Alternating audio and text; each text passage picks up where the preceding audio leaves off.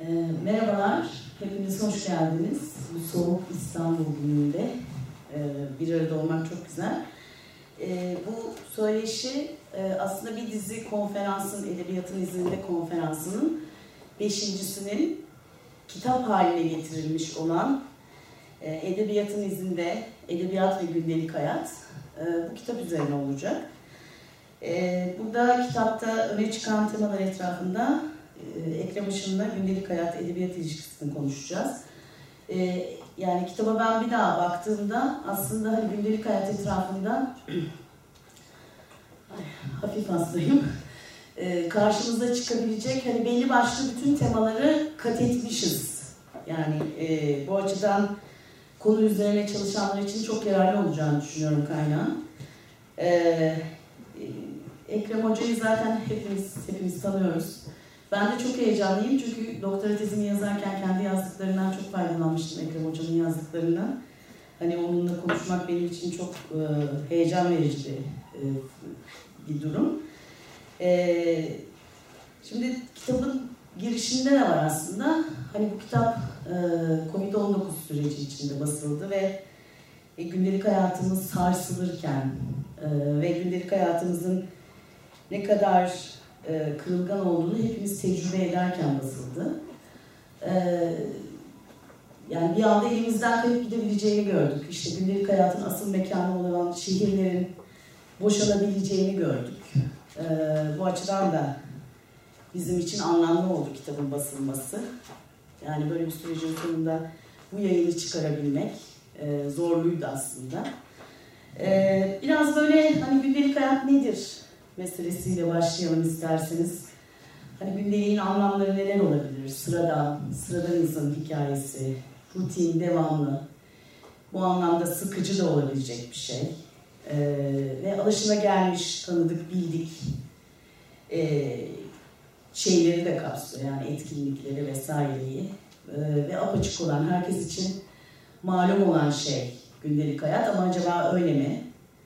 E, olağan olan. Dolayısıyla edebiyatta da hani olağanla olağan üstünlüğün de izini yani o ayrımın izini de e, takip edebileceğimiz bir tema. E, ve zaten hani modern romanın serüveni de e, olağanı konu edinmekle başladığı için hani modern öncesi anlatılardan farklı olarak giderek e, olağan olanı e, kapsamaya çalışan bir tür roman e, ve gerisinde de tabii bir gerçeklik iddiası var. Aslında bu biraz imkansız da bir düş. Yani olağan olanı olduğu gibi yansıtmak, hayata benzetmek, hayata olduğu gibi yansıtmak.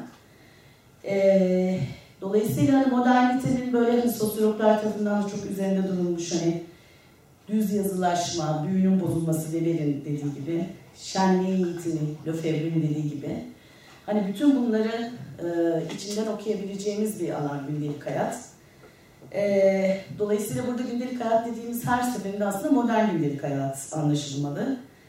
E, gene Lefebvre işte diyor ki saflıktan uzak bir şey gündelik hayat ve saflığı, saflığın peşindeki felsefe hani ona bakmalı. E, gündelik hayat nedir üzerine hani sizinle de bugün konuşurken şey yaptık. Siz ne dersiniz? Gündelik hayat neleri kapsıyor? Evet, şimdi bu hakikaten en karmaşık meselelerden birisi. Ne zaman sorulsa doğru dürüst cevap veremem ben buna. Aynı şiir nedir falan denildiği zaman işte o nasıl bir türlü onun tarifi yapılamamışsa bugüne kadar biraz da e, gündelik hayat böyle bir şey. İşte tavuk mu yumurtadan çıkar, yumurta mı tavuktan çıkar. Herkes bildiği yöne çekiyor tabii. Farklı disiplinler burada iç içe geçtiği için o farklı disiplinlerden gelenler kendi e, ana disiplinlerine, disiplinlerine ağırlık vererek e, bu gündelik hayata bir tanım yapıyorlar. Ama tabii ki gündelik hayat aslında bunların hepsinin bir toplamı değil, hepsinin birbirinin içinde eridiği bir alan. Şimdi ben e, gündelik hayat nedir diye böyle bir kendime göre bir tanım yapmışım. Fakat bunu o biraz soyut bir tanım e, bu konuşmanın e, ilerleyen şeylerinde açacağım. Ne olduğunu madde madde ve o zaman daha berraklaşmış olacak. Şimdi bana göre gündelik hayat bir toplumun belli bir zaman kesitinde bütün yapıp ettiklerinin aktörleri aracılığıyla tarih sahnesindeki temsilidir. Ee, bu temsilin senaryosunu bir yaşam tarzı standartları envanteri olarak kabul edebiliriz. Oluşturulan envanterin maddelerini de özneler ve nesneler arasındaki sarmal ilişkiler belirler demiş. Şimdi bu böyle genel bir e, tanım.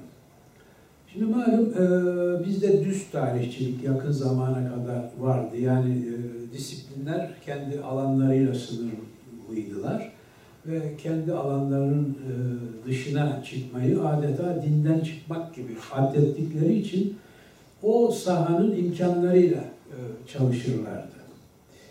Fakat e, Batı'da bu işte o 20. yüzyıl başlarından itibaren hafif bir şekilde, ağır bir şekilde başlayıp da işte o Benjamin kuşağının da biraz ona bir hız katmasıyla birlikte daha çok e, işte 60'lı yılların başından itibaren interdisipliner dediğimiz bir alana dönüştü. Şimdi bizim bu gündelik hayat e, dediğimiz şey bugün e, toplumsal tarih olarak adlandırılıyor. Ya da kültürel çalışmalar deniliyor. Gündelik hayat daha biraz popüler bir isim oldu başlangıçta. Şimdi bir defa gündelik hayat başlı başına bir modernleşme sorunudur. O sorunun e, yol açtığı bir alandır. Şimdi bu alanda neler var? Modernleşme alanında neler var? Yani biz modern olarak neyi kastediyoruz? Hangi e, unsurlar o modern şeyin toplumun varlığına delalet ediyor? Birincisi toplumdaki e, zaman temposunun hızlanması. Bununla şunu kastediyoruz. Ee, sanayi devrimiyle birlikte Batı e, toplumlarındaki zaman algısının geleneksellikten e, ya, Orta Çağ sonrası Yeni Çağ'la birlikte başlayan e, yavaş yavaş artan bir e, yaşama ritminin hızlanması. Yani eski toplumlar daha böyle mobilitesi düşük, e, işte ne bileyim bir yerde doğulur, o yerde yaşanılır ve orada ölünür. Anlatabiliyor muyum? Osmanlı toplumu da özünde böyle bir toplumdu. Tanzimat öncesine kadar. Fakat bu buhar çağıyla birlikte yani teknolojinin hayata yavaş yavaş yansımasıyla birlikte e, hayatın programlanması diyebileceğimiz yani sabah kalkacağım işte şunu yapacağım, bunu yapacağım, öğlen şuradayım, e, ondan sonra işte akşam e, bilmem bir şey var oraya gideceğiz türünden bir programa dökülmesi süreci başlıyor. Şimdi bunun çok güzel örneğini Fahri Rıfkı Atay verir. Ben kendi güzel üslubundan okuyayım, e, daha e, güzel olsun. Yoksa özetlerim ama bunu okumak hoşuma gidiyor. Şimdi Fahri Rıfkı Atay bu konuştuğum şeyi, e, noktayı şöyle anlatıyor. Hayat Müslüman semtlerinde göze çarpıcı bir yavaşlık gösterir buluşmalar şu veya bu saatte değil, ikindi sularında gibi ölçülere bağlanmıştır. Ben dakika denen bir zaman ölçüsü de olduğunu 1906 veya 1907'de Yakacık'ta iken Hügene'nin trenlerine yetişmek için koşarken öğrendim. Bizim devlet veya şirketi hayriye vapurları, hatırlı kimseler hiç istiflerini bozmayarak ağır ağır vapura gelinceye kadar beklemek zorunda idiler. Ne vapur ne de yolcuları vaktinde gelirdi. Aynı efendilerin Kartal istasyonunda Hügene'nin trenine doğru seyirtişleri görülecek şeydi. Yabancı şirketler Osmanlı rütbesi veya üniformasını tanımazlardı. Yani bu hayatın hızlanması, temposunun artması e, modernleşmenin en bariz göstergelerinden birisi. Sıkışsa e, kaçır. Çünkü onun bir saati var. Trenin ya da vapurun bir kalkışsa. Eskiden öyle değil işte bekliyorsun. Bilmem kim paşa gelecek diyorlar. Orada herkes bekliyor vapurda. Sonra gelmiyor falan. Ondan sonra böyle bir, bir, bir laubali bir sistem. Şart bu. Ee, Hügelen Alman tabii e, adam şey Prusya disiplini içinde zaten bütün Avrupa öyle yani işte saat 2'yi çeyrek geçe vapur kalkacak ya da tren kalkacak. E o o saatte kalkıyor işte paşa koşarak da gelse durdurup şey yapmıyorlar hareket edip gidiyor. İşte onun için diyor Osmanlı rütbesini ve işte o makamları tanımazdı diyor. Hmm. Şimdi zaman tempomuz evet böyle. İkinci modernleşme konusunda e, gündelik hayatı ilgilendiren şeyler anlatıyorum, başlıkları. Kentsel mekan ölçeklerinin genişlemesi. Şimdi burada İstanbul'un silüet değerleri çok önemli.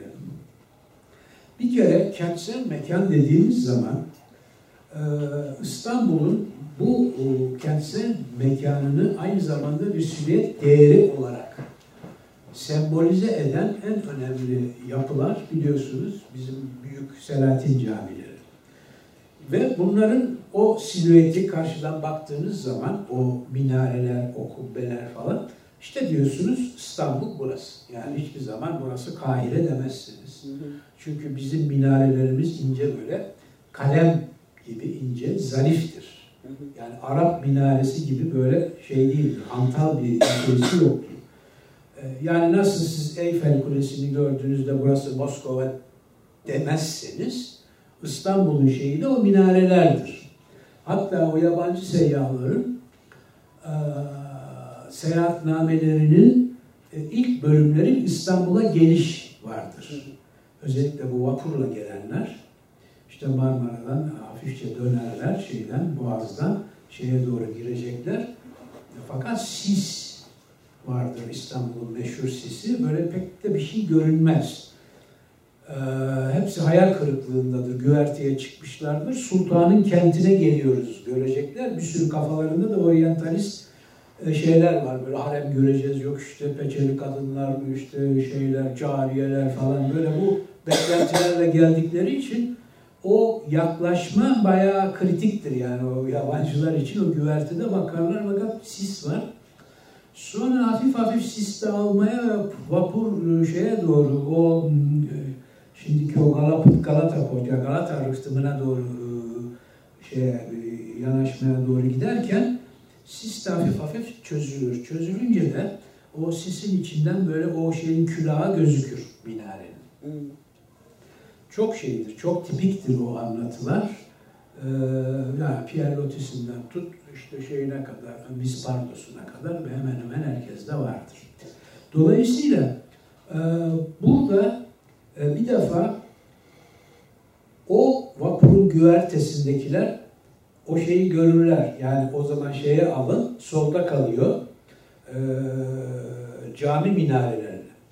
Fakat sağ tarafa baktıklarında bir gudubet bir bina vardır. Devasa bir bina. Onda minare falan yok. Ama yani Süleymaniye'nin on katı falan bir şey. Kütle halinde. Seni mi yakıştırsın? Seküler bina.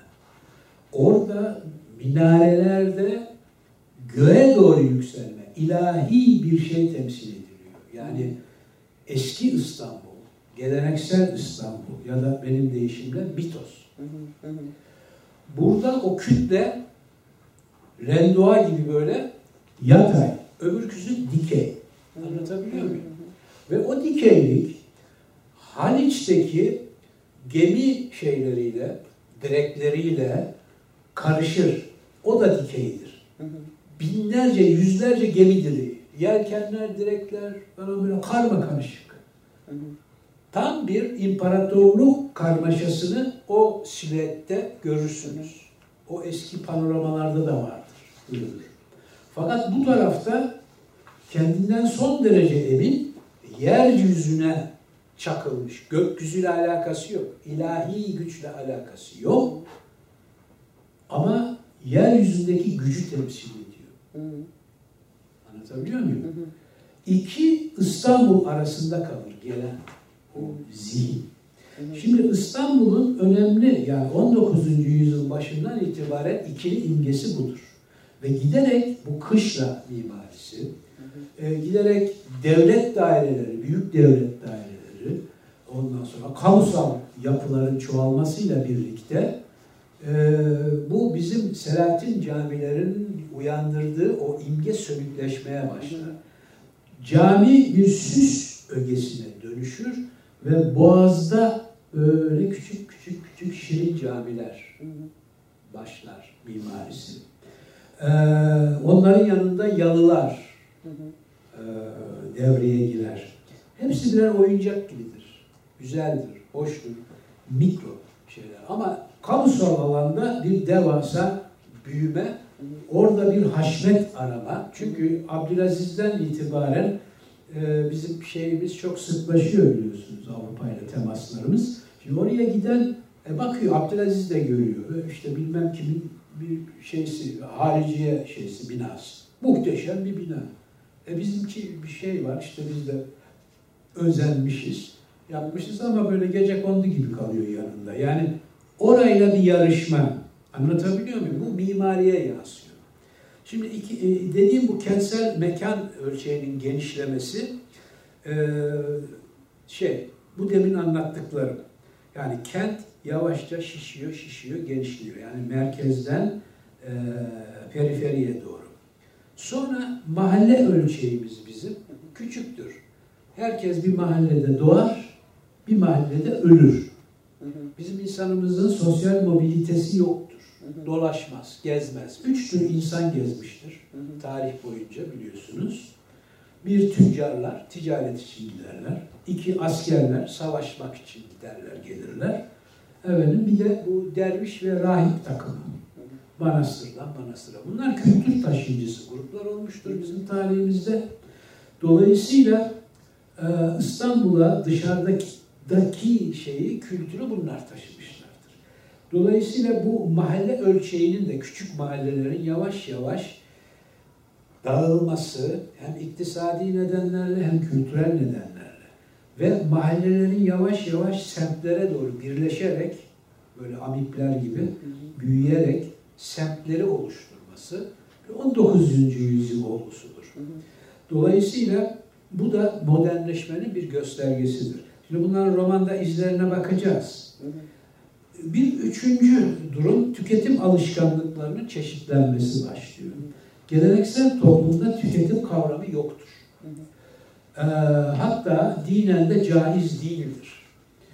Ee, azla yetineceksin, işte yemeğini dökmeyeceksin, işte şey yapmayacaksın, o rızkın neyse o kadar, onun üstüne tamah etmeyeceksin. Yani böyle bir gözü tokluk e, şeysi var peşinden. E, fakat modernleşme yavaş yavaş bize tüketimi getiriyor. Tüketimle bizim pazarımıza yabancı mamulat giriyor. Şimdi bütün nesneler biliyorsunuz kültür taşıyıcısıdır. Bir nesne yalnız kendi işleviyle değer kazanmıyor biliyorsunuz. Ee, bunda şeyi de o meşhur o Proust'ta da rastlarsınız. Nesne, nesne sizi geçmişe de götürür. Ee, bugününüze de bir anlam verir.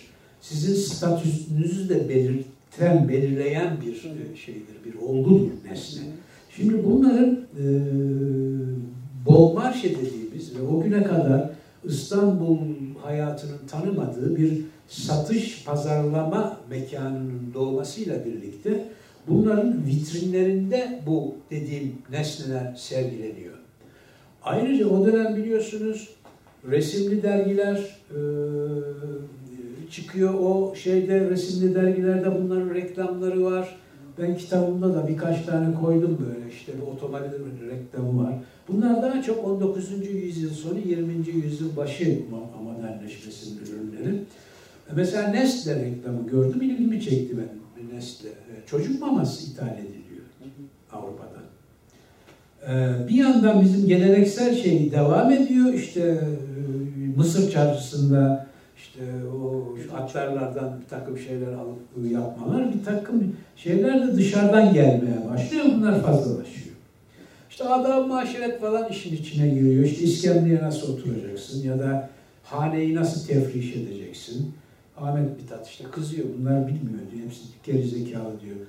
Tutmuş diyor şeyi diyor, natürmortu diyor, yatak odasına asmış diyor. Olacak iş mi diyor. Yani yemek odasına asılır diyor. Yani o, o yatak odasına bilmem ne olur diyor falan böyle. Yani bir şey de, acemilik de var yaşama düzeninde. Şimdi dolayısıyla bu meta fetişizmi e, bir çeşit flanörlüğü de efendim Benjamin'in meşhur flanörü de ortaya çıkıyor. Ve Beyoğlu'nda istiklal yani caddeyi kemir voltaları başlıyor. Neden? Vitrin seyretmek. İşte gel gidelim e, bilmem işte Bon Marşe'de bilmem yani cepte para yok tabii ama yani gözle bir çeşit zina yani gözle belki eğitim öyle diyelim daha doğrusu eğitim yapıyor.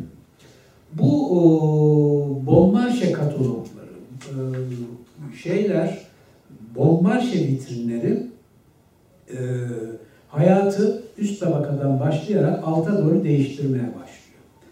E, daha sonra e, hayat pratikleşiyor. Yani geleneksel hayat hiç pratik değildir. Her şey elle yapıldığı için e, uzun zaman alır. Yemek pişirmek bile çok uzun zaman alır. Ondan sonra bir evin işte işleri çok uzun zaman alır. E, daha pratik e, ev eşyalarına hemen bir çırpıda yapılacak hazır e, bir takım e, şeylere, e, yemeklere doğru bir gidişat başlıyor. Çok ağır ama eski İstanbul yine kendi kabuğunda eski geleneğini iyi kötü şey yapıyor. İşte o Fatih Harbi ayrımı dediğimiz şey buradan doğuyor. Eskiden geleneksel şeyler el yapımı olduğu için bir imza karakteri vardı. İşte filanca ustanın işi. Onun bir imzası vardır. İmzadan markaya geçiyoruz. Filanca marka diyorlar bu sefer. İmza yok oluyor.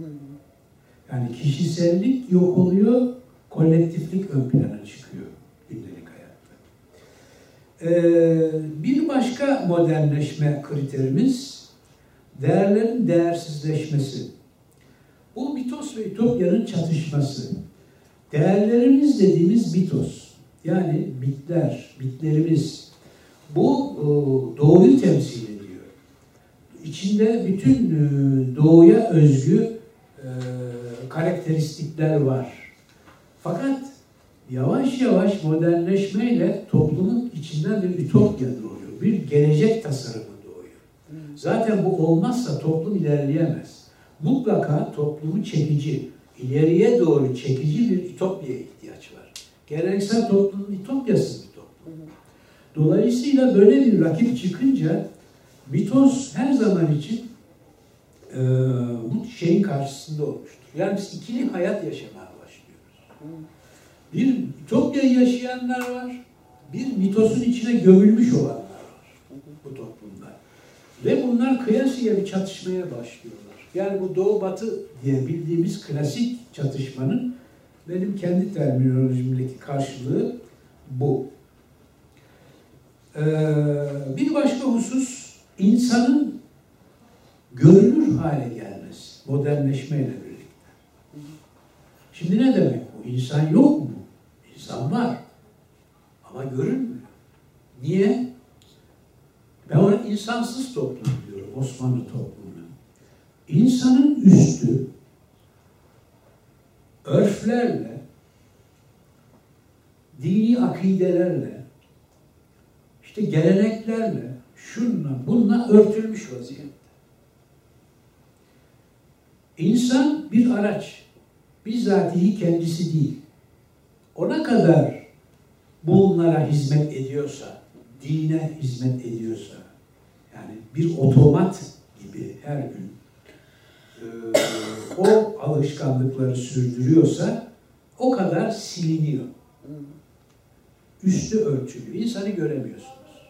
Böyle bir uzakta böyle bir karaltı var ama ne? Anlatabiliyor muyum?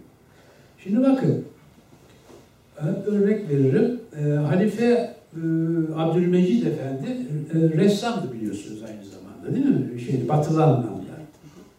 Onun e, haremde Beethoven diye bir tablosu da vardır. Mesela bakın o tabloya böyle oturmuştur e, şeyler işte çay may içiyorlar falan alafranga usulü İşte biri de piyano falan çalışıyor. Oturanlara bakın. Böyle bacak bacak üstüne atmış adam ama o bacak böyle nasıl bir bacaksa böyle kalas gibi o kollar mollar. Şimdi anatomiyi bilmiyor adam. Çünkü insanı tanımıyor. Yani batı resmine bakın ta antikiteden bu yana resim ve heykel değil mi? En ince ayrıntısına kadar yani o bacaktaki ince kaslara kadar adam yapar. Yani canlı zannedersin. Çünkü neden? İnsanı tanıyor. İnsan merkezli kültür. Şimdi bizde öyle bir şey yok. İnsana değer verilmediği için insan nedir? Nasıl bir varlıktır? Yani hususiyetleri ne? Yani tıbben de doğru dürüst incelenmiş değil. Tamamen hayatın dışındamış. Şimdi böyle bir toplumda, insansız bir toplumda insanlar bir yaşama düzeni oluşturuyor geleneksel toplumda. Bu hiçbir tarihçinin bugüne kadar incelemediği, gözünden kaçtığı, kaçtığı içinde geçmiş toplumda işte bir toplumdu ya da gelenekleri falan vardı, modernleşiyor, işte böyle bugüne devam etti gibi. Hiç katılmadığım bir e, görüşle anlatılıyor. Eski toplumumuzda yaşama düzenimiz bizim yamanarak yaşamadır. Bu benim kullandığım bir kavram, yamanarak. Şimdi biat sistemi gelsin gözümüzün önüne. Bugün bile anneler çocuklarına oğlum sen şeyin çocuğuyla oynama. Ee, neydi onun adı? Ee, işte o kapıcının. Git bakkalın çocuğuyla oyna. Şimdi çocuğu o bakkalın çocuğuna yamar. O çocuk gider çünkü onun uçurtması vardır. Birlikte uçurtma falan oynayın diye. O bu sefer onun annesi, uçurtmacı çocuğun der ki sen boş ver şimdi onu git orada öğretmen var. Onun, onun için yükseliyor hiyerarşi. Tamam mı? Ona, onun yanında onunla oyna. Onun arabası var falan. Şimdi böyle herkes birbirine yamanır. Bir hiyerarşi oluşur. Şimdi bu, bu ne var bunda diyeceksiniz. Şimdi yamanan yamandığının hayatını yaşar. Kendi hayatı yoktur. Bir şey sorarsın ben bilmem işte efendim. Ona sorarsın o bilmem müdürüm bilir. Müdüre sorarsın işte amirim bilir. Amir patron bilir. Patron işte satrazam bilir. Neyse gider böyle padişaha kadar gider. Gelir o da der ki Allah bilir. Çözümsüz toplum.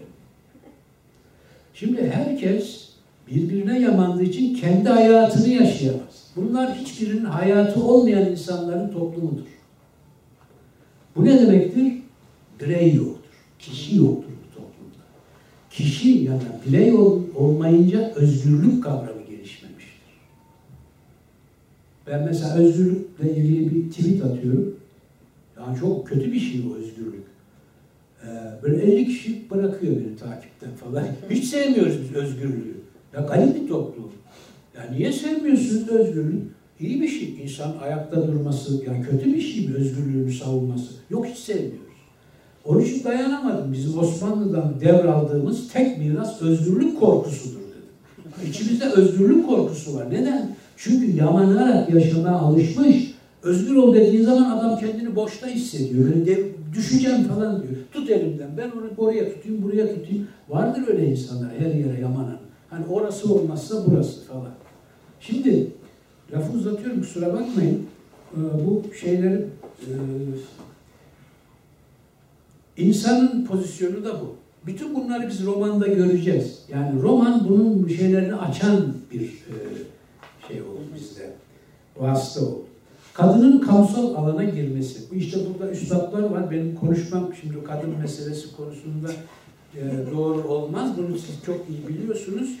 Ee, işte burada modadan tutun e, kozmetiğe kadar yani en azından ticari ürünler açısından bakarsak hepsi kadının hayatında bir e, özgürlük alanı oluşturuyor. Tabii daha başka ideolojik şeyleri de var.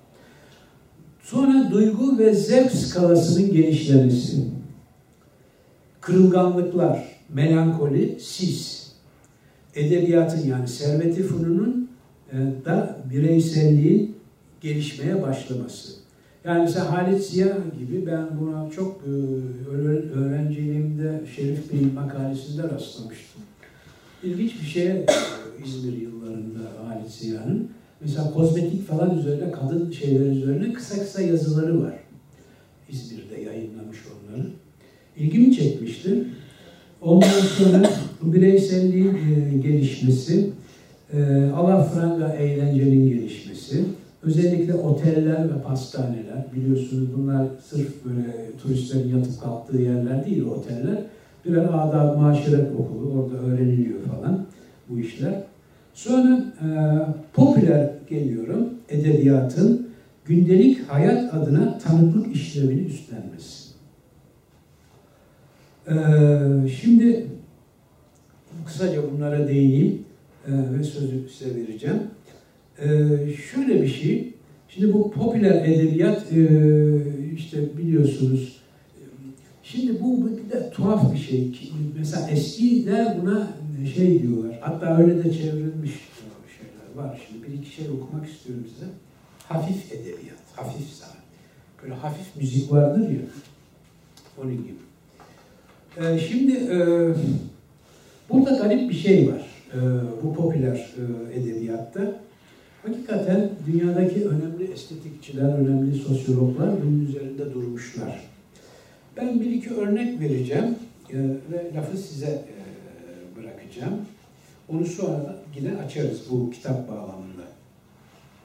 Şimdi e, bu Max Horkheimer ve Adorno'nun ortak bir kitapları vardır. Aydınlanmanın diyalektiği.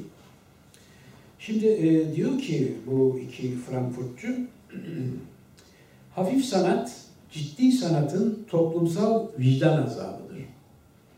Dayandığı toplumsal ön koşullar nedeniyle ciddi sanatın gözden kaçırdığı hakikat, hafif sanata nesnel bir adillik görüntüsü kazandırır. Çok ilginç bakın. Aralarındaki bir, bu bölünmüşlük hakikatin kendisidir. Ee, bunu önemsedim ben e, çünkü okuduğum bu hafif sanat, hafif roman ya da popüler romanda e, bunun çok güzel örneklerini gördüm. E, yine e, bu o, gruba yakın e, Siegfried Krauker'in şeyleri var, e, bir iki değilisi var. Diyor ki, ucuz romanlar önemli içerikleri çarpık bir biçime sokar ve tıpkı kompozisyon şemaları gibi nadiren değişen eğilimlere yanıt verir. Ucuz romanların başarısı çok eski içgüdülerin tatminiyle ve kökleri derinlerde yatan beklentilerle ne kadar ilgiliyse bazı çok satan kitapların başarısı da ortak bilinci cezbeden sansasyonel olaylarla o kadar ilgilidir. Yine Croker'den bir kısa alıntı. Dedektif romanı sanat eseri niteliğini taşımasa da uygar toplumun gerçek yüzünü toplumun görmeye alışık olduğundan daha net bir şekilde gösterir. Dolayısıyla Abdülhamit'in hani şu merakı var ya dedektif romanı falan o şeylerde o yıllarda biliyorsunuz siz daha ee, böyle fasiküller halinde yayınlanan ve bayağı ilgi çekilen bir çeken bir e, e, okuma alışkanlığına düzenine geçmiş. E, bu da gündelik hayatın bir başka e, veçesi olarak e, dikkatimi çekiyor. Ben size bırakayım, epey lafı uzattım. Bir dahaki şeye dönüş olursa orada da kitabı değerlendireceğim birkaç e, noktada. Onu belirttikten sonra da herhalde kapatırız. Buyurun. Ee, çok teşekkür ederiz. Bu güzel, kapsayıcı mülahaza için. Estağfurullah. Ee, yani aslında siz bayağı açtınız. Yani edebiyatta, sosyolojide ve tarihte e, ihmal, ihmal edilen alanları, gündelik hayat çalışmaları açıyorlar yani ve Hani nesneler dünyası, ihtiyaç ne demek, evet. lüks ne demek, e, zevk, zevk meselesi, e, yaşam tarzları, tüketim, markalar, modalar, cinsiyetler arası ilişkiler, duygular.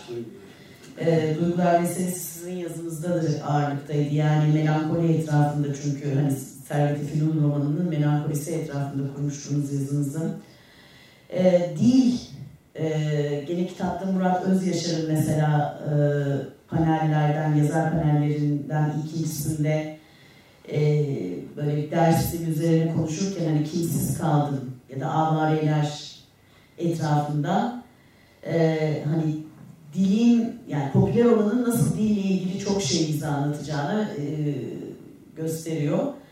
E, ve popüler romanda da yani hani çok farklı e, dilin farklı kullanımlarına rastlıyoruz. Hani bu açıdan da önemli.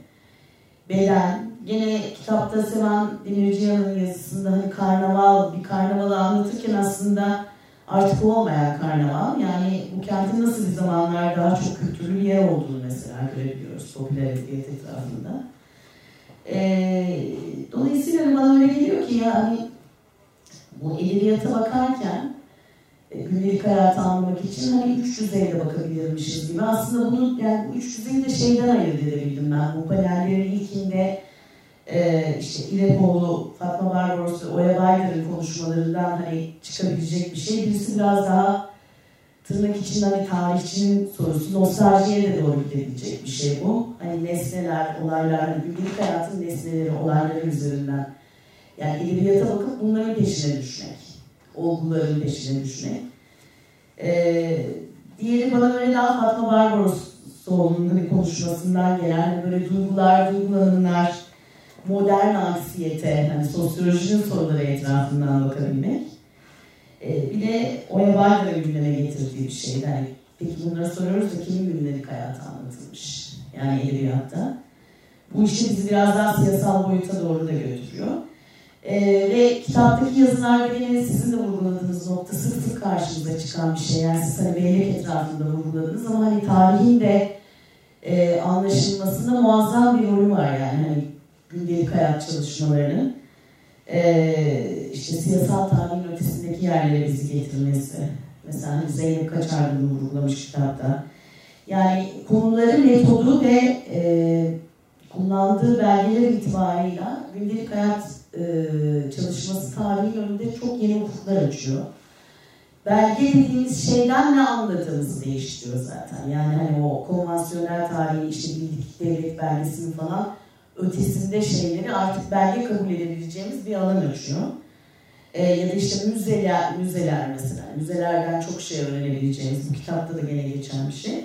Aslında bu hani yeni tarihçilikte, sosyal tarihte vesaire bir hayli tartışılan konular bunlar. Yani e, kitapta işte ro romancılar, edebiyatçılar e, diyorlar ki ya bunu hani tarihçiler yapmıyor. Halbuki yani yapmaya başladılar ama bir şekilde e, konu, yani birbiriyle konuşmuyor demek ki bu alanlar. Yani bu kısmı önemli geliyor bana. Ee, biraz şimdi şey üzerine düşünelim. Yani edebiyatın gündelik hayata tanıklığı olabilir? Yani bilgiyle sana onu Şükrü Çorum Hoca açılış konuşmasında kitapta çok böyle veciz bir şekilde anlatarak başlamış. Ee, diyor ki edebiyat, sanat eseri ve bilgi bağı e, özellikle hani modernitenin, aydınlanmanın ürünü olan romanla üzerine düşünebileceğimiz bir alan. E, yani roman hem bilgiyi topluma ulaştırıyor. Hatta e, gene roman e, kitaptaki yazılardan birinde işte e, Şehnaz Şimşekoğlu, Şimşekoğlu Şim, e, Şehnaz Şişmanoğlu Şimşek'in yazısında hani esrarlı şehir romanları üzerinden okurunu uyarmak yani hani bilgiyi o şeyin e, ulaştırmanın ötesinde böyle acil e, ihtiyaçları, acil uyarıları da e, ulaştırmak. Hem de tabii edebiyatı bilgi üretmek için kullanabiliyoruz. Yani değindiğimiz gibi hani sosyolojik alanda, tarihsel alanda. E, ve işte bu aslında bizi e, peki hani edebiyattan gündelik hayatı öğreneceğiz deyince o zaman ister istemez şu soruya geliyoruz. Yani edebiyatla hayat arasındaki ilişki nasıl? Yani e, nasıl olacak da öğreneceğiz? Yani hayatı olduğu gibi mi yansıtıyor edebiyat? Bu ilişki nasıl bir ilişki? E, yani hem hayattan besleniyor hem de hayatı besliyor edebiyat. Ve şu uyarı mesela çok ilginçti gene kitapta. Yani kendi gündeliğimizi de aslında edebiyattan, sinemadan öğrendiklerimizle e, yaşıyoruz, tartıyoruz, taklit ediyoruz. Yani edebiyat okuduğumuz için, işte film izlediğimiz için hani belli davranış kalıplarını benimsiyoruz aslında. Belli rollere giriyoruz. E, ve e, dediğimiz gibi bilhassa e, popüler romanın burada çok özel bir yeri var. Zaten geniş kitlere de ulaştığı için. E, yani bir bakıma edebiyatın içindeki hani gündelik hayata dair olan malzemeyi okurlar olarak aslında yeniden yeniden işliyoruz. Ve bizzat aslında yani hani o sizin verdiğiniz resim örneğinde de yani aslında jestlerimizi bile değiştiriyor yani.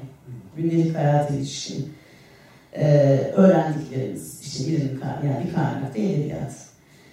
E, bir de tabii modernlik meselesi deyince edebiyatın modern duygularla ilişkisi var. Yani bu alan bana e, çok çok e, ilginç geliyor. E, mesela sizin değindiğiniz meselelerde hani modern davranış, modern ruh halleri yani onun içinde modern yaşam tarzları, e, içinde yeni ve asli olan şeylerin hani ne kadar meşru kabul ediliyor, ne kadar gayrimeşru kabul ediliyor. E, tabii işte modernlik şu demek aynı zamanda yani çabucak eskiyen yenilikler. E, dolayısıyla içinde bir yandan da hani uçucu bir gündelik hayat var. Sürekli yeni iddiası üzerine kurulu. E, ve yani edebiyat da hani yenileştikçe yani nasıl modern hayat sürekli yapmak için yıkıyorsa edebiyat da yenisini yapmak için yıkarak ilerliyor. E, yani onda da işte modalar vesaireler öne çıkıyor ve e, hayatta da edebiyatta da ama bir taraftan hani sürekli bu yeni iddiasına rağmen geçmişin üslupları sürekli yağmalanıyor. Yani bunlar zaten çok üzerine konuşulmuş da meseleler. Ee, ve bir taraftan mahrum kalsan, geride kalsan, uzak kalsan, geri kalmış sayılacağın kodlar üretiyor. E, Banu Özdürek mesela bu kitapta şey diyerek anlatmış. Yani an be an e, tecrübeyi, ben onun cümleleriyle söylemiyorum tabii. An tecrübe ettiğimiz pozlar, yani toplumsal oyunu e, nasıl oynayacağımızı gündelik hayat içinde e, de edebiyattan öğreniyoruz. Ve işte sizin bahsettiğiniz bu nesneler, yeni markalar falan ister istemez bir eksiklik duygusu yaratıyor arzuları kışkırtıyor modernite ama bunu e, hayata geçirmenin imkanlarını da yani hem bireysel hem toplumsal, kolektif anlamda, politik anlamda daraltıyor aynı anda. E, dolayısıyla bir arzu, haset e, sarkacında sürekli gidip geliyor. E, gene Banu Özgür'e kitap bunu şey diye tarif etmiş yani o modern hayatı, vahşi yaşam makinesi yani bir taraftan böyle bir şey. Bir taraftan da hızın, anonimliğin, korkunun, temkinliliğin, korkunun getirdiği temkinliliği ve hesap edip durmanın sıkıntısı içinde yaşıyoruz. Ee, Hakan Kayra'nın Zimmer'den ilhamla e, kaleme aldığı yazısında hani buna çok değiniyor. Bütün bunların yarattığı yorgunluk içinde yaşıyoruz. Bir savrulma hissiyle yaşıyoruz. Bu siz e, merkezden merkezin dışına itilme, kararsız bir denge içinde olma, kendilik duygusunun bozulması gibi. E, bu sizin hani Servet Fünun Melankoli evet. yazınızda da vardı. İşte dolayısıyla sürekli bir gelecek endişesi, katılaşma, donuklaşmanın getirdiği karamsarlık. Yani hani bu böyle gider ama hem de özgürlük. Yani e, bütün bunların yanı sıra modern gündelik hayat bize bir özgürlük alanında yaşıyor, açıyor. E, ve bütün bu hani karmaşık duygular içinde siz yazınızda değinmişsiniz hani büyük kaos dönemlerinde işte modernliği e, zaten içkin krizin daha derinleştiği dönemlerde e, melankoli gibi duygular işte bireyin içine kapanması e, vesaire daha çok öne çıkıyor deyip hani size bırakmak isterim sözü. Hani biraz melankoliyle ilgili işte Servet İfün'ün edebiyatındaki melankoliyle ilgili e, ne diyebiliriz? Bir, ikincisi bir de soruyla bağlayayım. E, hani bence şu anda da, gerçi modernite kriz halinde bir şey olduğu için daha çok kriz içinde olduğu bir andayız. E, şimdi de böyle bir dönemden geçiyoruz. Hani e, dolayısıyla bu tür duygular, içe kapanma vesaire daha e, sık tecrübe ettiğimiz şeyler gibi geldiği için sizin yazınız bu anlamda da önemli geliyor bana kitaptaki yazınız. Evet. Şimdi bu içe kapanma, evet, onu yazdık şeyde, bu kitapta var, melankoli meselesi. Hakikaten böyle bir hastalıklı bir dönemdir o. Solgun yüzler, bedbaht insanlar, kaçıp gitmek isteyenler, yani bugün de işte yurt dışına falan gitmek istiyorlar ya gençler böyle. O dönem gençliği de öyle. Ee, kırık hayatlar yani açıkçası öyle diyelim. Şimdi e, tabii güzel bir noktaya geldi. E, Ocak ayında yani önümüzdeki ay bir işte burada bir programa başlayacak. E, eksik okumalar başlığı altında. E, onun ilk e, şeysini de ben buna ayırdım.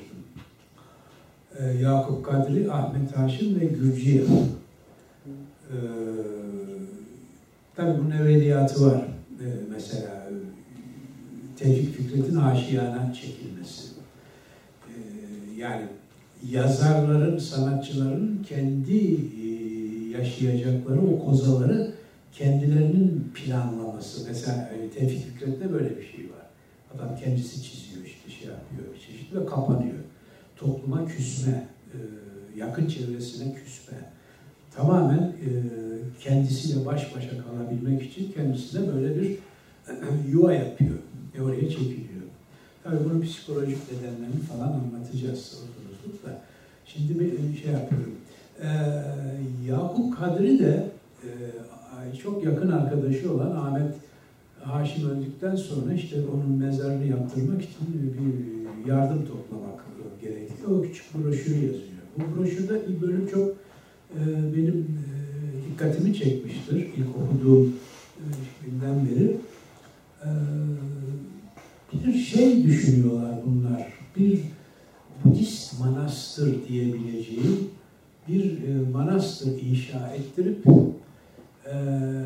oraya çekilmek. Ve onun içini uzun uzun anlatır.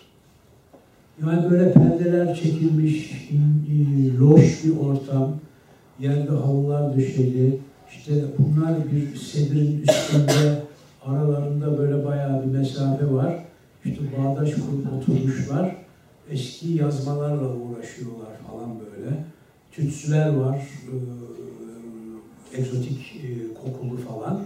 Böyle bir ortamda bütün gün çalışıyorlar. Bunlara hizmet eden, başı böyle enteresan külahlar giyen, giy, giy, giymiş hizmetçiler falan var. Şimdi böyle bir tuhaf bir şey, e, böyle bir zerdüşlük falan gibi bir şey de çağrıştırdı bende.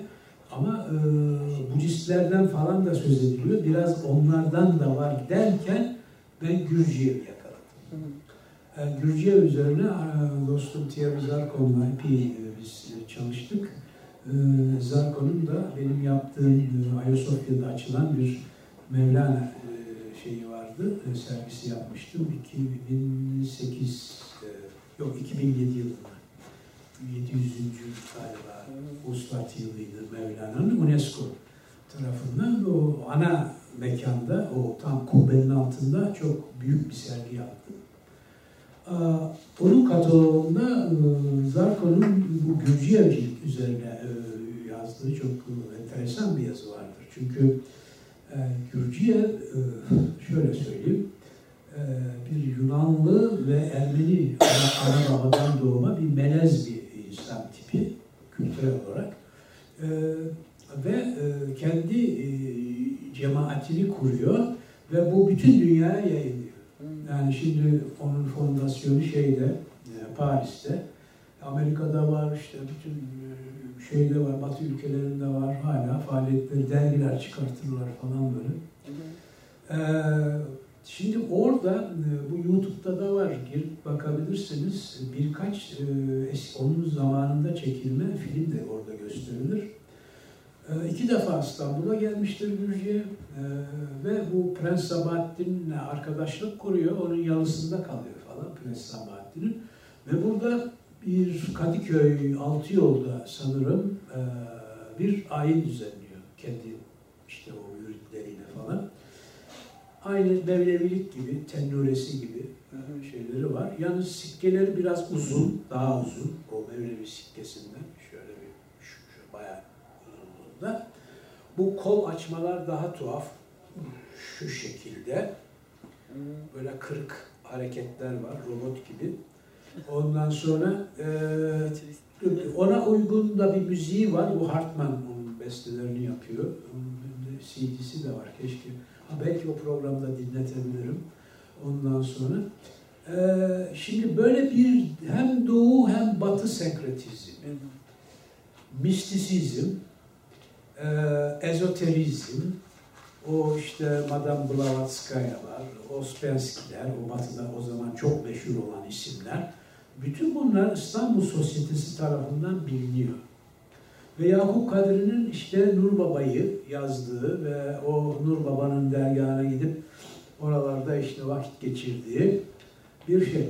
Bu aynı zamanda o dönem e, İstanbul'da Bektaşiliğin e, yeniden canlandığı bir dönem. Ve saray üst tabakasında özellikle hanım sultanların himayesinde. Mesela Zeynep Sultan e, işte şey o şeydeki Üsküdar'daki Bektaşi tekkesini yaptırıyor. Yani böyle yardımlar da alıyorlar saraydan. Özellikle şeyden sonra, bu Abdülaziz'den sonra. E, bir kısmı öyle gidiyor. E, bir kısmı mesela Yahya Bey de o dergaha gidip geliyor ama pek o, o şey yapmıyor. O daha bir gizli melamilik var onda. Ondan sonra bir melamet meşrep bir şey, rindane bir tip biliyorsunuz. Yahya Kemal. Yani içkisi falan gayet yerli yerinde. Şimdi namaz falan da kılmaz. o öyle bir rint bir adam ama yani işte bir şey bir mistisizliği var. Yani şeylerinde zaten Rıfkı Belir'le falan ithaf ettiği o, o şiirlerinde bunu açıkça. Şimdi böyle bir e, hava o şeyde e, İstanbul üst tabakasında e, yaşanıyor o dönemde. Şimdi onun dışında e, şeye gelirsek bu kitabımıza bizim Şimdi ben buradaki yazıları gruplandırdım. E, dedim ki yani bu gündelik hayatın kökenleri ne çeşit, nasıl bir dağılımı var yazılarda. Ondan sonra mesela gündelik hayat ve popüler edebiyat ilişkisi ön plana çıkmış. Ali Şükrü Bey'in e, işte giriş yazısı zaten bu konu üzerinde. E, o e, detaylı da bir şeysi var, dökümü var. Şehnaz Şişmanoğlu Şimşek, bu Be Beyoğlu Sırları, Esrarlı İstanbul romanlarına Karamanlıca bir giriş. Ee, bunun yani biraz o polisiyeyi falan da bu popüler şeye katarak e, şey yaptım. Yani bu grubu oluşturdum. Ee, Sevan Değirmenciya Pera'da bir gavroş, hatırlıyorum birlikte aynı şeydeydik. Bu da e, bir çeşit artık onu da bir popüler edebiyat ürünü olarak kabul edebiliriz. Sizin e, dönemsel olarak erken Cumhuriyet dönemi popüler romanında gündelik hayatın temsili. Dolayısıyla gündelik hayat ve e, roman ilişkisi üzerine ağırlıklı makaleler yer alıyor. İkinci bir grup yine gündelik hayat ve modernleşme dönemsel e, ideolojiler. İşte benim yazım var. O işte 19. yüzyıl sonu yani dönem olarak e, ve işte bir servet Fünun ideolojisinden eğer bahsedebileceksek işte onun belli e, bir iki yerine dokunan iki tane hatırlatma notu benim yazım. E, Veli Uğur Kübra Kuru'nun ilerlemeci ideolojinin gündelik hayat eleştirisi Ömer Seyfettin örneği de bu e, gündelik hayat e, ideoloji e, ilişkisi üzerine e, bir kendi arasında grup oluşturuyor. Üçüncü bir grup gündelik hayat, merkezin dışı, merkezin içi demişim, merkez çevre. Ee, burada iki makale dikkatimi çekti. Semra Çetin Baycanların İkinci Dünya Savaşı yıllarında yani dönemsel olarak bir de periferi yani çevre vurgusu yapan Adana'da gündelik hayat. Reşat Enis ve toprak kokusu iyi olmuş yani bu sırf e, yani İstanbul merkezli bir şey değil. Yani orada taşı atmışlar ama halka halka böyle gidiyor. Hakan'ın, e, Kaynar'ın, Ankara'nın duygusal tarihine giriş, artık kimse kimseyle karşılaşmıyor e, yazısı da e, İstanbul dışı bir çevre edebiyatı olarak e, bu grup içinde değerlendirebiliriz. E, dördüncü bir şey de çağdaş edebiyat ilişkisi yani gündelik hayat çağdaş edebiyatta nasıl temsil ediyor? Hilmi Tezgör'den işte bu Behçet Necatigil'in şiirlerinde gündelik hayat ve Sevcan Tevfik'ten kabuktaki farklı bedenler ve deneyimler içerisinde trans görünürlüğü adlı ilginç e, çalışması. Tabii iki panel var, ben onlara şey yapmayacağım. Ee, bu paneller içinde de Oya Hanım'ın e, şeyi dikkatimi çekti benim. Yani bu edebiyat bir çeşit e, şey diyor. Yani ben de o kanaatteyim. Gündelik hayat tarihi. Çünkü gündelik hayat bize şunu veriyor. Bir iktisat tarihçisi e, o dönemin diyelim ki 19. yüzyıl sonu 20. yüzyıl başını biz bir geçiş dönemi olarak ele aldık. Ne yapıyor iktisat tarihçisi? İşte ilgili kaynakları tarayıp, işte enflasyon var mıydı, yok muydu? İşte fakirlik, fukaralık, zenginlik, e, bunlar üzerine yani daha matematiksel şeyler üzerine ilgileniyor. Ya orada insan yok. Aslında hepsi insanı ilgilendiriyor ama insan yok. Yani siyaset tarihçisi de öyle. Bir takım anlaşmalar var, sürekli imzalanıyor anlaşmalar. Ondan sonra değil mi? Ama o e, ya da kanunlar çıkartılıyor. Peki o kanunlar uygulanmış mı? Bunun neticesi ne olmuş? Bu insanı ilgilendirmiyor. İnsanı ilgilendiriyor.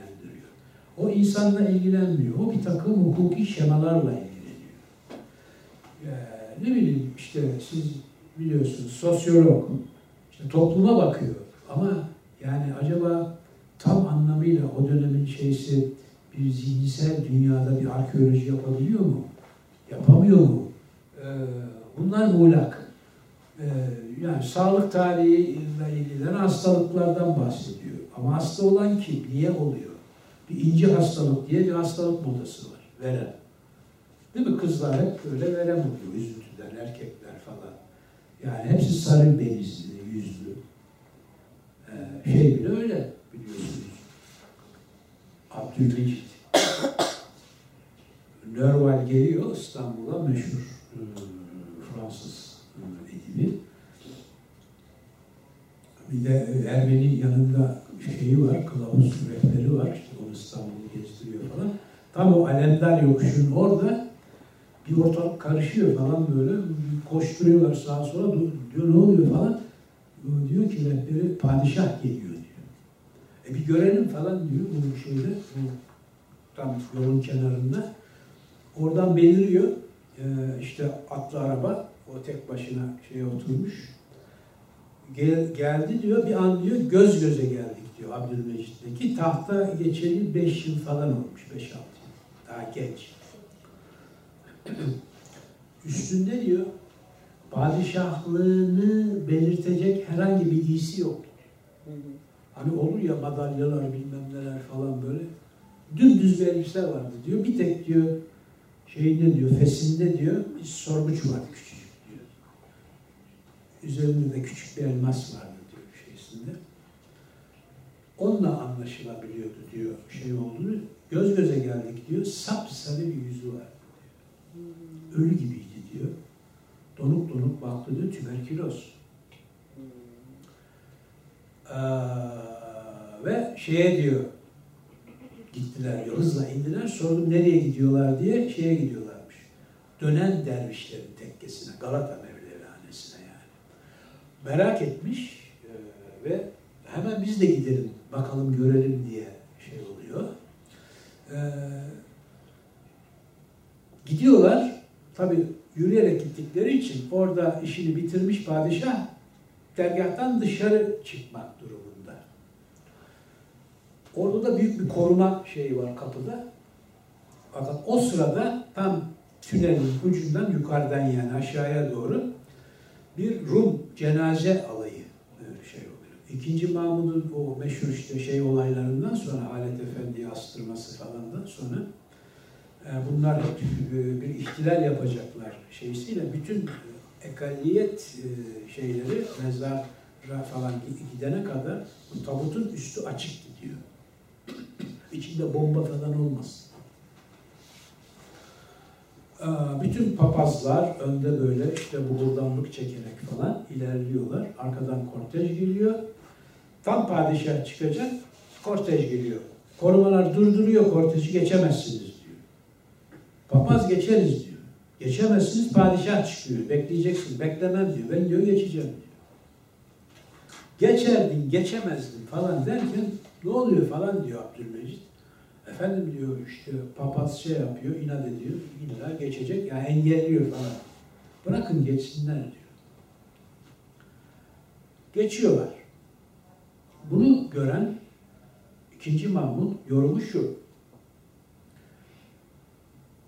Ben diyor bunu diyor Türklerin hoşgörüsüne bağlıyorum. Dinlere karşı hoşgörüsüne bağlıyorum.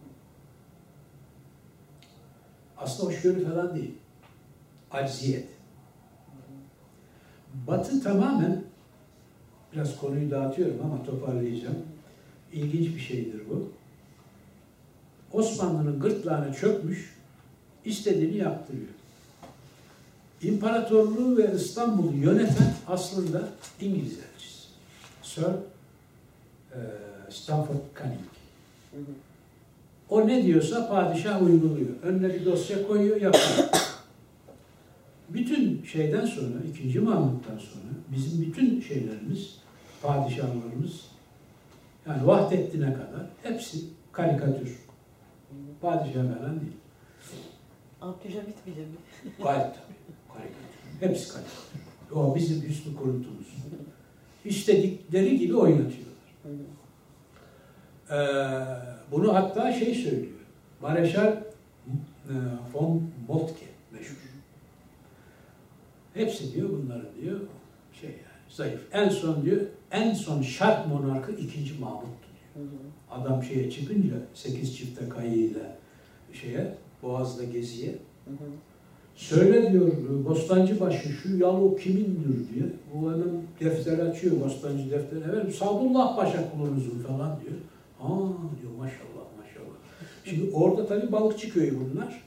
Bütün o köylü tepelere kaçıyor. Bizi görmesin. Adam bela yani ulan şunu sallandırın diyecek falan böyle bir, bir şey. Yani bayağı bir korku salmış. Dördüncü Murat bir, ikinci Mahmut ikidir bizim. Korkulan padişah. Şimdi bu şey e, ben onu bir yorumladım. Bu yorumda şöyle bir yorum. O Kristava'dan çok yararlandım. Ee, biliyorsunuz sembolik bir sembolist bir şair. Nörval. Nörval şiirlerinden birisi El Desticado diye bir şiir. Portekizce bir kelime bu. Masonik bir şiir. Ee, ve bunun üzerinde de çok böyle, ciltlerce kitap yazılmıştır. Çok enteresan bir şiirdir. Orada bir e, şey vardır, e, İngiliz soylusu Lord John nedir? Bu Haçlılardan falan kalma. Ondan sonra Kral bunun mülküne el kor, şatosuna, işte bilmem ne nesi varsa iyiliş edilir bir çeşit. Ee, ve bunların armaları vardır biliyorsunuz soyluların. Bunun arması da meşe ağacıdır ama ters. Bütün malı mülkü elinden alınmış. iyiliş edilmiş anlamına gelen. Şiir onun üzerindedir. İşte el desti çado dediğimiz bütün bizim şeyler iyiliş edilmiştir. Padişahlar güçsüzdür, iktidarsızdır. Yani o pardon, o baba mirası daha sonraki kuşaklar tarafından yerle bir edilmiştir. Şimdi buradan bu gündelik hayatın e, önemli konularına yani şimdi bunu bir ekonomi tarihçisinde bu ayrıntı yoktur. Gerekmez de. Siyasi tarihi de ilgilendirmez. Şimdi bu edebiyatçının yani bir şairin belki üstesinden gelebileceği bir şey. Edebiyatın üstünlüğü bu. Yani onun için edebiyat yani en kestirme cevap edebiyat nedir? Edebiyat gündelik hayatın tarihidir gibi bir şey söylenebilir. Anlatabiliyor muyum? O oradan geldi bu olay. Ee, yani bir şey mimarlık tarihçisi çok güzel anlatır. Ama orada penceredir, kapıdır, ondan sonra çatısı şöyledir, işte merdivenleri böyledir, arnavudur falan. İnsan yoktur içinde. Dolayısıyla o insanı o yapıyla birlikte görecek olan edebiyatçıdır. Edebiyat da burada bir bakıma yani bu şeyi e, kendi özelliğini de bu alanda sağlamış oluyor. Yani siz de değindiniz buna zaten. E, ben de buna şey yapmak istedim. Ve bu e, işte dört bölüm halinde kümelendirdiğim makaleler bu ciltte yer alıyor. Bence bu işin sonu olmadığı için pek çok konu buna eklenebileceği için ne tam olmuş ne tam olmamış yargısında hiç kimse bulunamaz. Bu bizim seçtiğimiz bugün için ama yarına da yapılacak başka şeylere de öncülük edebilecek bir kitap. Başarılı bir kitap. E, tabii çok haklısınız. Yani bitmek bilmez yok, bir şey. Yani, yani yok. Ama ben şey anlamında kitabı yani editörün olunca üzerine editörlerinden biri olunca şey e, tabii belli bir mesafeyi korumak kolay değil ama hani gündelik hayat etrafında ve edebiyat etrafında tartışılmış başta da dediğim gibi hani belli başlı temalara hani dokunabilmiş olması itibarıyla evet. e, başarılı buluyorum. Siz zaten hani onları grupladınız ama ben de bir iki ek yapayım. Mesela bu gündelik hayatın mekanı meselesi, kent e, üzerinde çok durduk. E, işte e, Hakan Kaynar'ın yazısı hani kentte bir anonimiteye doğru gitmek evet. e, meselesi. Şimdi bakın Hakan'ın siz şimdi öyle yorumluyorsunuz. Ben de bir periferi olarak yorumluyorum. Hı hı. Çünkü bu konunun giriftliğinden oluyor. Yani Tabii. çok girdisi var. Anlatabiliyor muyum? İşte tam da bu mesela evet. yani o taşraya da değinmiş olması. Evet. Yani hem Hakan Kaynar'ın yazısında hem e, işte bayrak yani Adana üzerine işte Adana toprak üzerine, kokusu evet. yaz, e, romanını analiz eden yazıda. Barbarosoğlu da mesela kendi kitabı işte hiçbir yer üzerine konuşuyor. O da Afyon'da geçiyor. Evet. Hani pe pekala Taşlı'nın gündelik hayatına doğru da değinen yazılar var. Kentin anlamı üzerine tabii çok şey de söylüyor yani gündelik hayat çalışmaları. Mesela orada şey bana ilginç geldi. Bu Esrarlı Şehir romanlarında hani güzelliğiyle e, öne çıkan değil de hani kaçınması gereken distopik bir mekan, mekan olarak önümüze çıkan kendisi. Hani görünen ışıltının arka gerisindeki hani fuhuş, suç, yoksulluk gibi meselelerin de edebiyatta konu edinilebileceğini hatırlatan bir yazı gene e, Şehnaz Hanım'ın yazısı. E, ya da işte gündelik hayatın zamanı meselesinde hani onu siz zaten gayet böyle işte döngüsel zamandan doğrusala doğru geleneksel zamandan programlı zamana doğru gitme e, bunlar konu edinilmiş ama Yine mesela Hakan Kaynar'ın yazısında çok ilginç bir şey var. Üç roman ele alıyor. Ee, İlhan Tarus'un bir romanı. Yenişehir'de bir öğle vakti. Herkes herkesle dostmuş gibi. Yani bunların hepsini bir döngüsel zaman kurgusu üzerinde e, duruşunu tespit etmesi güzel. Ee, tabii gündelik hayatın bir de öznesi meselesi var. Yani e, zamanı, mekanı öznesi. Zaten moderniteye bakarken bu üçünü bakacağız neye e, elbette. Hani kadınlar meselesi de var kitapta. Yani gündelik hayatın gündelik hayatla hep birleştirilmiştir ya kadınlar. Yani gündelik hayatın asıl yapıcısı e, olarak. E, ve yani mesela Zeynep Kaçar'ın işte kendi kabuk romanı üzerine söyledikleri ve hani kadınların ötesinde hani başka LGBT vesaire başka cinsiyetlerin de pekala edebiyata konu edinilebileceği gene Sevcan Tiftik'in kabuk romanı üzerinde ne yazısında var. Ee, işte benim yazımda da biraz kadınlık, erkeklik meselesi var. Ee, veya gene mesela e, Sema Çetin Marcan'ın Toprak Kokusu üzerine yazısında şeyi mesela anlatıyor. E, işte kırkların Adana'sında tarım işçisi kadınların nasıl tecavüz korkusu içinde çalıştıklarını. Yani dolayısıyla hani pekala edebiyat hani e, gündelik hayatın çok olağan dışı ya da hani o, o zaman için çok olağanmış da e, olağan dışı olabilecek anlarına veya işte e, şiddetine de bakabiliyor. Yani gündelik hayat hep böyle olağan ve tanıdık bildik diye başladık ya. Aynı zamanda şiddet de içeren bir şey. Yani bunu da edebiyat üzerinden okumak mümkün. E, dolayısıyla evet yani gerçekten e, farklı boyutlarıyla gündelik hayatın belli başlı alanlarına bakan bir kitabı kotarabilmişiz yani. Sağ olun yani hepimizin katkılarıyla. Ee, Bu bir yol açıcı e, kitap olsun. Yani tabii. bir giriş bağlamına gündelik hayata sesim kesildi galiba. Geliyor mu? Ha geliyor. Ee, daha e, mikro ölçekte şeyler yapılabilir. Mesela e, interiör. Ama bunların hepsinin başında gündelik hayat demeye gerek yok. Zaten siz daha önceki şeylerde yapıyorsunuz. Yani o bu seri böyle devam ederse eksteriyor, interiör. Yani hane, evin içi, dışı, bağlantıları. E, kadın meselesinin değişik tabii şimdi yönleri var. E, onlar. e, yani olabilir çok cazip konular var. E, yani biz eskiden böyle ideolojik açıdan bakardık. Orada mesele yok işte alt yapı üst yapı diyen. işi, işi kurtarıyordu yani. Şimdi öyle değil. E, dolayısıyla psikanaliz var, şu var, bu var bir sürü şeyler gelişti şimdi. E, bunları şey yapmakta yarar var. Ele almakta yarar var. E, yani benim açımdan da iyi bir deney oldu. Eski şeylerimi de hatırladım. Yazdığım şeyleri baktım. Yeniden şey yaptım. Tabii eklenecek çok şeyler var. E, doğru. e, Özellikle bu yeni yazarlar üzerinde e, durmak, onların e, işte bu gündelik hayat içinde çok bizim kuşaktan daha farklı problemleri var. Onları ön plana almak. E, Bir de son işte 20 yılda yaşadıklarımız falan belki daha sonra bir şey olabilir. Bir tartışma konusu. Yani bu evde kapalı kalmalar. Hı hı. Değil mi? Yani sürekli bir, bir e, sis içinde şey yapma durumu. E, dolayısıyla e, ucu açık bir konu. Verimli bir konu. E, size kolaylıklar olsun derim. O zaman herkes sevdiği üst yapısal öğeyi yazsın diyerek bitirelim. Çok teşekkür ederiz. Çok güzel.